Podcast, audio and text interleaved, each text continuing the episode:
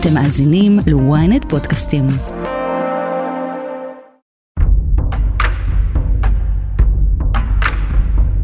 הבוקר אנחנו השלמנו את הפעולה בג'נין, שהייתה הגדולה ביותר ביהודה ושומרון מזה כשני עשורים. אנחנו הנחתנו על תשתיות הטרור בג'נין מכה קשה מאוד. צה"ל מגיע לאירועי ה-7 באוקטובר אחרי פעילות משמעותית לסיכול קיני טרור ביהודה ושומרון. החל מתחילת הלחימה בעזה נעשים לא מעט מבצעים כדי למנוע התלקחות בגדה. הלילה פעלו כוחותינו בעיר ג'נין, פגעו במחבלים, חיסלו אותם גם מהאוויר וגם מהיבשה, והמשיכו לחשוף טרור ולעצור פעילי טרור. חמאס מצידו מנסה לעורר את הפלסטינים להזדהות עם הארגון ללא הצלחה גדולה. אז מה קורה לפלסטינים ביהודה ושומרון מאז המתקפה הרצחנית של חמאס? והאם הפיגועים האחרונים יכולים להביא להתלקחות? אני שרון קידון, וזאת הכותרת. אלישע בן קימון, כתב השטחים של ynet וידיעות אחרונות, 7 באוקטובר, יום שבת בבוקר, למה מתעוררים ברמאללה, שכם וג'נין? מתעוררים כמעט כמו כל uh, תושבי uh, ישראל, מתעוררים לאיזשהו uh, שוק מסוים, אף אחד לא באמת מבין uh, מה קורה ומה uh, עושה חמאס uh, באזור הדרום, אבל מהר מאוד מבינים שיש כאן אירוע מאוד מאוד משמעותי, אירוע כזה של מלחמה, אבל גם, וזה גם צריך להגיד, לא מגלים איזושהי הצטרפות מסוימת. זאת אומרת, זה גם מעיד על התדהמה ועל כך שאף אחד באזור הגדה בעצם לא היה מסונכרן עם מה שקורה בדרום. גם נראה שככל שהדבר הזה הלך ו- ונמשך, גם בשעות במהלך השביעי באוקטובר, וגם במהלך הימים שאחרי לא ראינו איזושהי התפתחות מסוימת מכיוון יהודה ושומרון, ואגב, לא רק זה, אנחנו מדברים על, על ירידה אפילו. רוב הפלסטינים בשטחי יהודה ושומרון נשארו בבתים, ראינו פחות תנועה על הצירים, כמובן שהפסיקו גם את כניסת העובדים הפלסטינים, ככה שהם גם הוכו בתדהמה ודי נשארו בבתים. איך אתה מסביר את זה? הרי לפחות לחמאס היו ציפיות שהם יצליחו לשלהב את הפלסטינים בגדה. מה קורה מהרגע הזה? הם עמומים ממה שקרה, ממה שביצעו מחבלי החמאס, או שהם חוששים מהזעם של ישראל? צריך להגיד שזו תשובה מאוד מורכבת, כי מצד אחד בעצם יש uh, לא מעט מחבלים חמושים שבאמת uh, מסתובבים בגדה, בטח בתוך מחנות הפליטים, uh, וגם לא מעט תאי טרור כאלה שמאוד משויכים לארגון החמאס. מצד שני, נכון שכל הזמן יורדים על הרשות הפלסטינית עצמה, על זה שהיא לא מבצעת אה, את מה שהיא צריכה לעשות ולא מורידה את ההסתה ולא פוגעת אה, באנשים שרוצים אה, להוציא לפועל טרור, אבל בכל זאת יש לה איזושהי סוג של שליטה מסוימת, ועדיין ככל שאתה עמוק מודיעינית ונמצא בשטח, זה מבחינת צה"ל, אז הדבר הזה מאוד מאוד משפיע. זאת אומרת שכשאותו פלסטיני שנמצא ברמאללה או בשכם או בג'נין, הוא היה רוצה להצטרף למאבק הזה, אבל ברגע שהוא רואה שם חיילים יום-יום מחוץ לבתים, גם במחנות הפליטים וגם בערים עצמם, אז הוא מבין שזה קצת יותר מורכב. אבל על זה צריך להגיד איזושהי סוג של אמירה מאוד מאוד חשובה. כל מה שאפשר לנתח ביהודה ושומרון זה על הדברים שהיו. מאוד מאוד קשה לדעת מה יקרה בסיר הזה עוד שעה או כביכול שעתיים. פיגוע ירי בירושלים, שישה בני אדם נפגעו באורח קשה ובינוני בפיגוע ירי בשדרות ויצמן, בטרמפיאדה בכניסה לירושלים. כתבנו לירן לוי מדבר. ראינו מספר ניסיונות פיגוע וגם פיגוע אחד בצומת גבעת שאול שהצליח. אה, חמאס מנסה לנכס אותו לחמאס, עד כמה מדובר במפגעים בודדים שאולי קיבלו השראה מהחמאס או הופעלו על ידי חמאס? גם בפיגוע הזה שהיה בכניסה לירושלים, וגם אני מזכיר את אותו פיגוע שהיה במחסום המנהרות שבו נפל אה, לוחם צה"ל. אנחנו מדברים על שני אירועים שיש כאן זיהוי מאוד מובהק של אנשי חמאס. כל אותם המחבלים היו עצורים בישראל, הם מזוהי חמאס, גם המשפחות שלהם בגדה, כלומר זה משהו שהוא מאוד מאוד מוכר. לצד זה צריך להבין גם שהחמאס באמת, כמו שאמרת, מנסה לנכס לעצמו לא מעט אירועי טרור ומנסה לגרור את הגדה לתוך האירוע הזה, גם אם זה בהפרות סדר מול המנגנונים הפלסטינים וגם כמובן מול צה"ל, וגם כמובן לצאת ולבצע פיגועי ירי. אני מזכיר את אותו פיגוע ירי שבו נרצח אלחנן קליין, זכרו לברכה, מיד לאחר הפיגוע החמאס הוציא איזשהו סרטון ארוז גרפית, ממש כמו אותם הסרטונים שהחמאס מוציא מרצועת עזה, של אותו פיגוע שבכלל קורה בשומרון.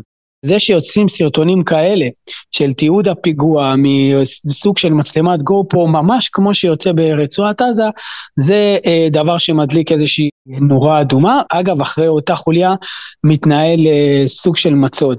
כל הדבר הזה בעצם מייצר איזושהי אווירה כזאת מאוד בעייתית ביהודה ושומרון. עוד פעם, צריך להגיד שעד כה אנחנו מדברים על נתוני הטרור הכי נמוכים בשלוש השנים האחרונות, כמו לפני מבצע שומר החומות. זה משהו שלא היה ביהודה ושומרון כבר קרוב לשלוש שנים. אנחנו נמצאים ביום השני למבצע של פגיעה בטרור בעיר ג'נין בכלל ובמחנה הפליטים בפרט. המחנה פליטים הוא לא עיר מקלט. צה"ל יפעל איפה שהוא רוצה, מתי שהוא רוצה, כמה שהוא רוצה, ויעשה את זה בעוצמה. אולי אפשר להסביר את זה על ידי הפעילות של צה"ל מול קיני טרור, החל ממבצע בית וגן, וגם מאז צה"ל פועל כל העת אה, בג'נין ובמחנות הפליטים על מנת למגר את הטרור, אז יכול להיות שזה מסביר את הירידה בפיגועים. גם, זה לחלוטין גם, אני מזכיר לך שבקיץ האחרון דובר הרבה על האם צה"ל ייכנס למחנה הפליטים ג'נין אחרי כל רצף האירועים שהיו, אה, האם הוא ייכנס ואיך הוא ייכנס וכמה דיברנו גם בתקשורת וגם בכלל על האפשרות של מבצע כזה ואז יצא המבצע של אה, בית וגן אנחנו כולנו היינו כאן אה, באיזשהו אירוע, וואו, צה"ל נכנס לתוך מחנה הפליטים ג'נין. אני מזכיר לך שהאירוע הזה קורה חדשות לבקרים באוגדת איו"ש.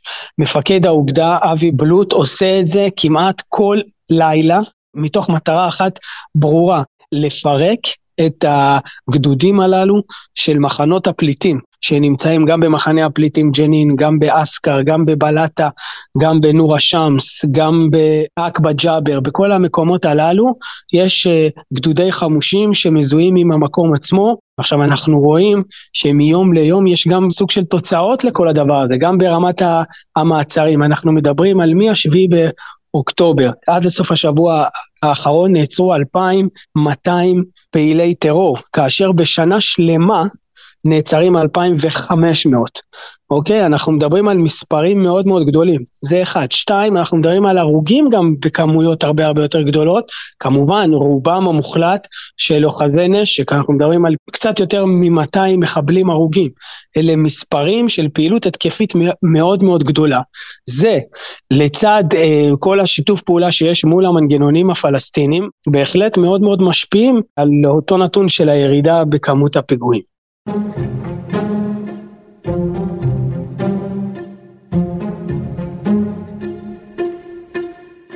continue to be alarmed about extremist settlers attacking Palestinians in the West Bank.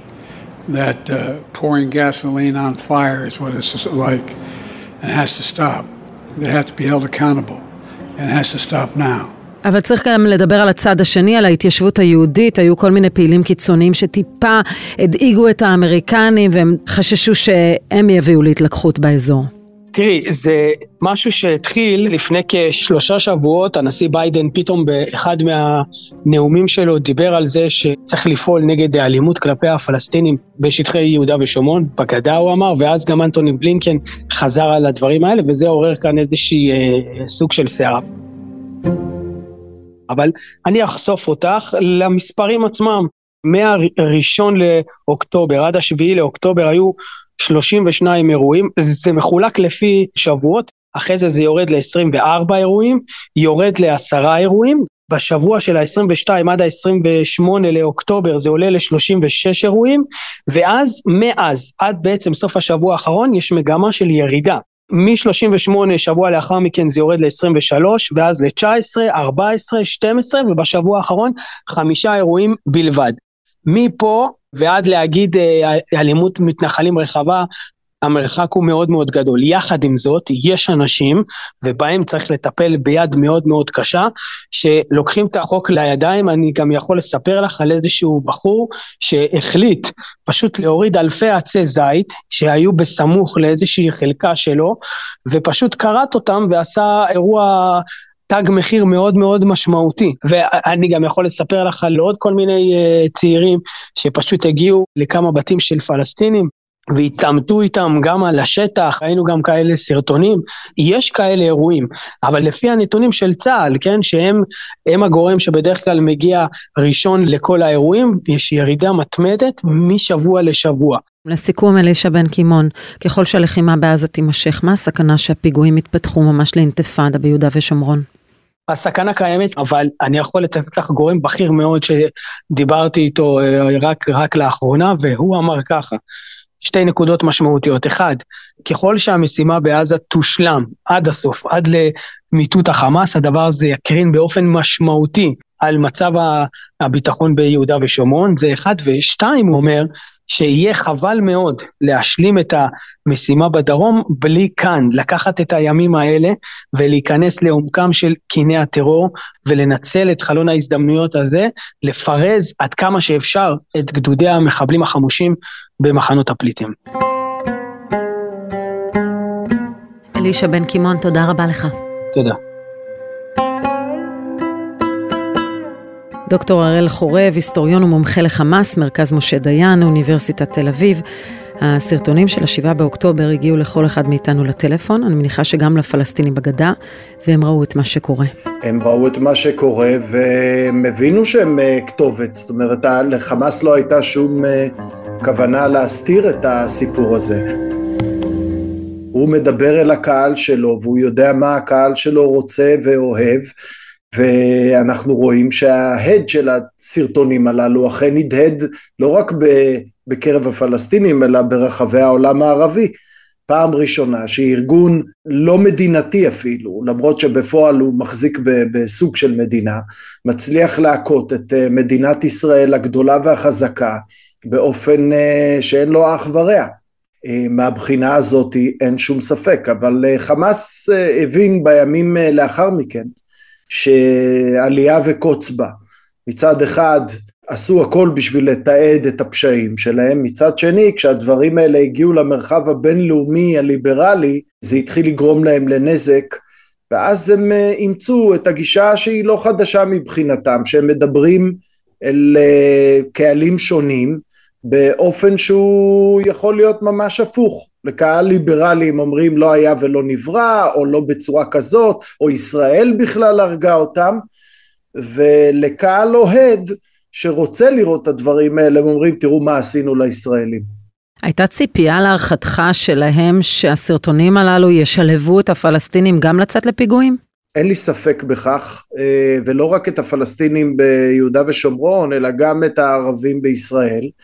אה, מהבחינה הזאת אני חושב שהם אה, די נחלו אכזבה, היה פה חישוב חסר ללא שום ספק, לא רק אגב מבחינת שתי האוכלוסיות הללו שלא נענו באופן שבו הם ציפו, ומי שמכיר את השיח החמאסי של ערב המתקפה הנפשעת יודע שהנושא של איחוד הזירות היה הנושא שעמד בראש הכותרות, נגדיר את זה ככה, מאז מאי 2021, כלומר מאז שומר החומות, שבו הם הופתעו לטובה מהעובדה שבישראל, ערביי ישראל, אה, זאת אומרת קבוצה רדיקלית בתוך ערביי ישראל נרתמה לעזרתם, והם ציפו שגם הפעם זה יהיה כך, זה לא קרה, וזה הצטרף לאכזבה שלהם גם מצפון, מבחינת מה שהם חשבו שחיזבאללה יעשה לטובתם. מצד אחד אנחנו רואים מעט מאוד אה, פיגועים שיצאו אל הפועל, לאחרונה בצומת גבעת שאול פיגוע שהצליח למזוהי חמאס אה, בגדה, אבל מהצד השני אנחנו רואים אה, לא מעט פעילות של צה"ל למנוע תאי טרור, לפגוע במי שמזוהה עם החמאס, כלומר אפשר להגיד שהגדה שקטה או לא? אני לא חושב שהיא שקטה, אני חושב שאנחנו מקבלים באמת בעימות הזה את כל סוגי החמאס, אם תרצי שרון, של איזה סוגים של חמאס יש לנו. ומצד אחד אה, באמת ראינו כמובן אה, את צבא הטרור של חמאס ברצועת עזה, כמה מסוכן הוא, זה האבולוציה הכי מאוחרת והכי מסוכנת של חמאס, בעוד שביהודה ושומרון את רואה את חמאס כפי שהוא היה, הייתי אומר באופן מסורתי, גם ברצועת עזה לפני שהוא השתלט, וזה חמאס שמבוסס על גרילה, על טרור, על חוליות קטנות וממודרות, בדרך כלל על uh, רשתות משפחתיות, הרי אנחנו מדברים כאן על uh, זוג אחים, הפיגוע לפני כן במחסום המנהרות, שלושה מתוך המחבלים היו בני משפחת קוואסמה שגם הם מוכרים לנו היטב עוד מ-2014 עם אירוע חטיפת ורציחת אה, אה, שלושת תלמידי הישיבה שלנו. זה בעצם באמת מלוא טווח הטרור או דרכי האופרציה שחמאס מכיר מאז היווסדו. מהצד הכי בסיסי של חוליות קטנות וממודרות, שזה מה שיש לנו ביהודה ושומרון, ועד מה שיש לנו ברצועת עזה. אגב, זה, זה עונה להרבה חרדות של אה, אנשים שאני שומע מאז אוקטובר 7, שאומרים, רגע, יכול להיות שנקבל את מה שראינו ברצועת עזה מיהודה ושומרון? והתשובה היא כנראה שלא, מהסיבה שצה"ל וגם הרשות הפלסטינית לא אפשרו לחמאס להקים שם מעין מדינה ביהודה ושומרון ולכן מה שכן יש שם זה חוליות מהסוג הזה שיוזמות אגב בדרך כלל בעצמן מתוך הבנה מהי הרוח של חמאס ומה חמאס יקבל בברכה.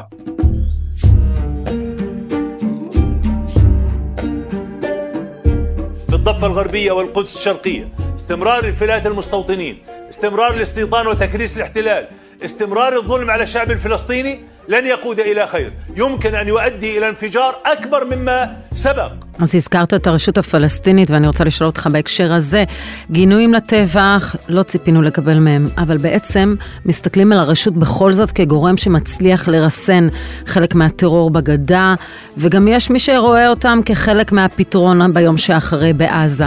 קצת אה, תנסה לשרטט לנו את הרשות באירוע הזה. תראי, אני חושב אה, שהרשות נמצאת במצב אה, מאוד מאוד לחוץ. מצד אחד, שלא יהיה ספק, חמאס הוא יריב שלא לומר אויב של הרשות הפלסטינית, הם מעולם לא הצליחו להגיע באמת לאיזושהי פשרה אמיתית מאז 2007, מאז שחמאס בעצם השתלט בצורה הכי אה, ברוטלית שיש על רצועת עזה, תוך באמת רצח של, אה, של אנשי רשות, כל הסיפורים שאנחנו מכירים, זריקתם מהגגות, הוצאה להורג וכן הלאה וכן הלאה. ומצד שני מודעים היטב ברשות לסנטימנט ברחוב שפשוט מחבב כל מי ש... או תומך בכל מי שמכה בישראל. לא חייבים בשביל זה להיות אגב אנשי חמאס, בשביל לתמוך בפעולה נגד ישראל, ולכן הרשות נמצאת כאן במצב שהוא מאוד בעייתי. בסוף בסוף שרון הם היו שמחים מאוד לראות את חמאס מחוסל, שלא יש ספק בכך, ומסרים ברוח הזאת אנחנו מקבלים כל הזמן, והם כמובן מאוד מאוד שונים מהתבטאויות של אנשי רשות שמנסים כאילו לסנגר או להביע אפילו תמיכה במה שחמאס עשה כאן בשביעי באוקטובר, אבל אה, למען האמת לרשות ברור לחלוטין שהיא הבאה בתור, כל התחזקות של חמאס משמעותה קיזוז בכוחה של הרשות והרשות ממש ממש מפחדת מהדבר הזה ולכן הייתי אה, משאיר את זה כמשהו שיש הבדלים מאוד גדולים בין מה שאומרים כלפי חוץ לבין מה שאומרים מתחת לשולחן. אז למה לא היה גינוי? כלומר, אם אנחנו רואים שאבו מאזן חושש מהחמאס לא פחות, מדוע הוא לא גינה את אירועי השבעה באוקטובר? תראי, אה, אמר לי אה, מקור פלסטיני כבר לפני הרבה שנים, כשאתה רואה רכבת שנעה לעברך במהירות אדיר, ובמסה אדירה לצורך העניין אירוע שרוב הציבור הפלסטיני תומך בו ואל תהיינה אשליות בסיפור הזה. אם בפעם האחרונה שקראתי 86 אחוזים מהפלסטינים תומכים במה שחמאס עשה. אז אם נשתמש בדימוי שלו אם אתה רואה רכבת כזאת אתה לא מנסה כרשות הפלסטינית לעמוד מולה ולעצור אותה עם הידיים שלך אלא פשוט לקפוץ עליה ולהצטרף אליה וזה אגב אה, אה, דפוס התנהגות מאוד מאוד עקבי אצל אה, הרשות הפלסטינית גם באירועים קודמים כולל באמת שקרים בוטים שהרשות הצטרפה אליהם ורק מתוך הפחד להצטרף למשהו שיציב אותה באור של משתפת פעולה שגם ככה היא נתפסת ככזו. והם עושים את החישוב הזה, הם מעדיפים לשלם את המחיר כלפי חוץ ובעיקר ביחסים עם ישראל מאשר לשלם את המחיר פנימה, בתוך המרחב הפלסטיני, ששם תהיה הרבה פחות סובלנות כלפי, אה, בוא נגיד, גינוי שכזה.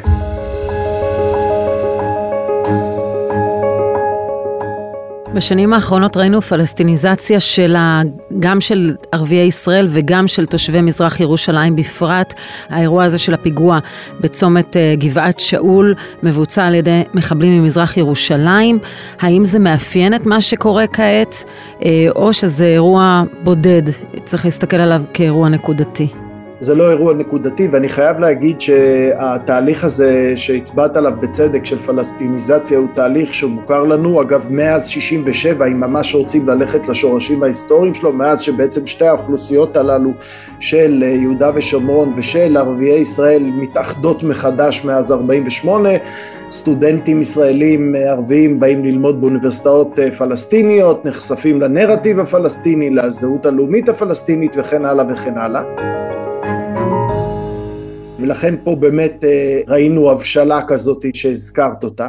מה שכן, במקרה של מזרח ירושלים יש כמה דברים שהם יותר ייחודיים למרחב הזה, והם נובעים אה, בעיקר אה, גם סנטימנט לאומני כמובן כמו, כמו כל הפלסטינים הייתי אומר ביהודה ושומרון אבל יש גם כמה בעיות ספציפיות של מזרח ירושלים ובעיקר שרון באזורים שאומנם שייכים מוניציפלית לעיר אבל נמצאים מעבר לגדר ההפרדה. מחנה הפליטים שועפאט ובעצם כל השכונות שנמצאות מעבר לגדר ההפרדה והן פשוט שטח הפקר. שטח הפקר שבהן אין דין ואין דיין המשטרה לא נכנסת כמעט ומי ששולט זה בעיקר פושעים. אנחנו גם מכירים uh, תופעות שהן הרבה יותר uh, בוא נאמר uh, קשות מבחינת החברה הפלסטינית וזה התמוטטות ממש של הסדר החברתי המסורתי במזרח ירושלים באזורים שדיברתי עליהן שחמולות, נכבדים, כל ההיררכיות הישנות הללו של הפלסטינים אה, אה, פשוט לא משפיעות שם. והחלום כפי שאמר לי פעם אה, פעיל חברתי פלסטיני משם, החלום של כל בן 16 שם זה להשיג אופנוע ואקדח וזה כמובן איזה מין סממן לגבריות ולהתרסה ו, והרבה פעמים כשמדברים גם עם מזרח ירושלמים מהאזור ההוא רואים אה, פשוט חוסר פחד, חוסר פחד לדבר עם ישראלים, עם עיתונאים ישראלים, עם אנשי ביטחון אפילו ישראלים ולהגיד להם את הדברים הכי קשים בפרצוף כמו יום אחד אתם תתפסו את המזוודות ותלכו מכאן לפולין ולרוסיה ואם לא אנחנו אה, נגרום לכך שזה יקרה. מזרח ירושלים מהבחינה הזאת היא באמת אה, בעייתית במיוחד, אנחנו רואים את זה גם בפיגועי בודדים שרון, לא רק בפיגועים שממש יוצאים נגיד מתוך חוליות חמאס, אלא באופן כללי זה אזור שהוא מוקד לבעיות מבחינת ישראל, מהסיבות שהזכרתי כמובן.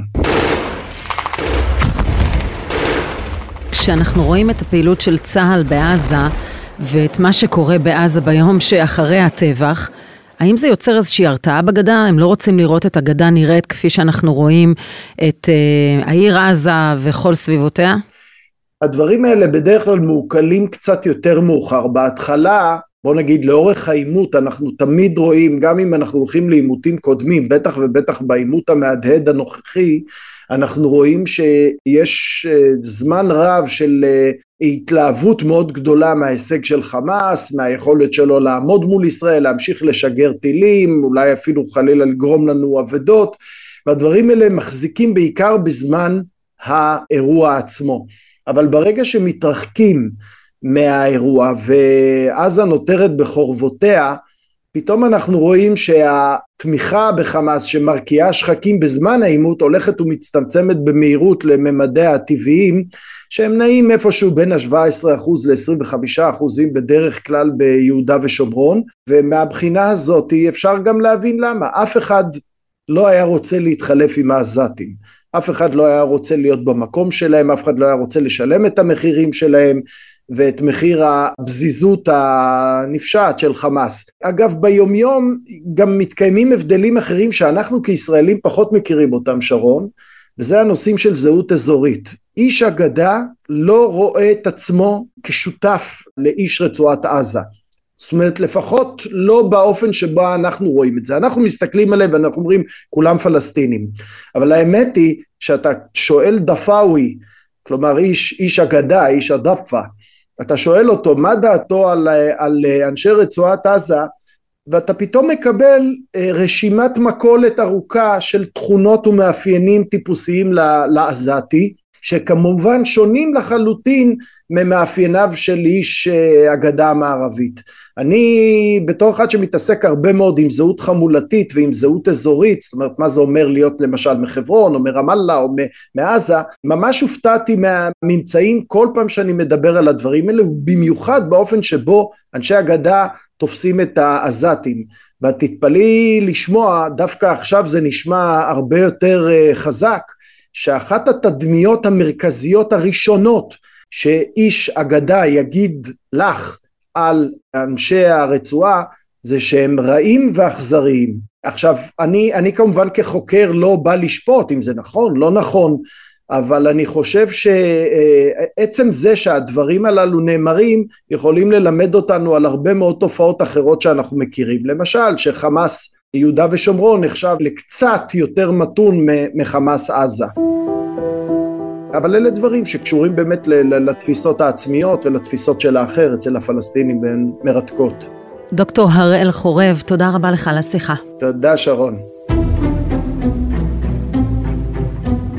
ועד כאן הכותרת להפעם. אם עדיין לא נרשמתם לעקוב אחרינו באפל או בספוטיפיי, כדאי לכם.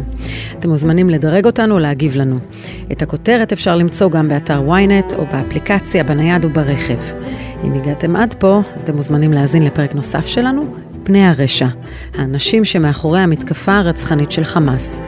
תחקיר הפקה ועריכה, גיא סלם ועדן דוידוב, סאונד, עמרי זינגר, אני שרון קידון, שמרו על עצמכם.